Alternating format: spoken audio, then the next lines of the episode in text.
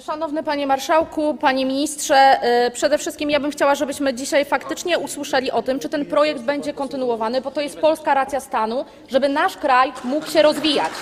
To jest jedna rzecz istotna i powinna tak naprawdę nas tutaj w tej sali łączyć ponad e, podziałami.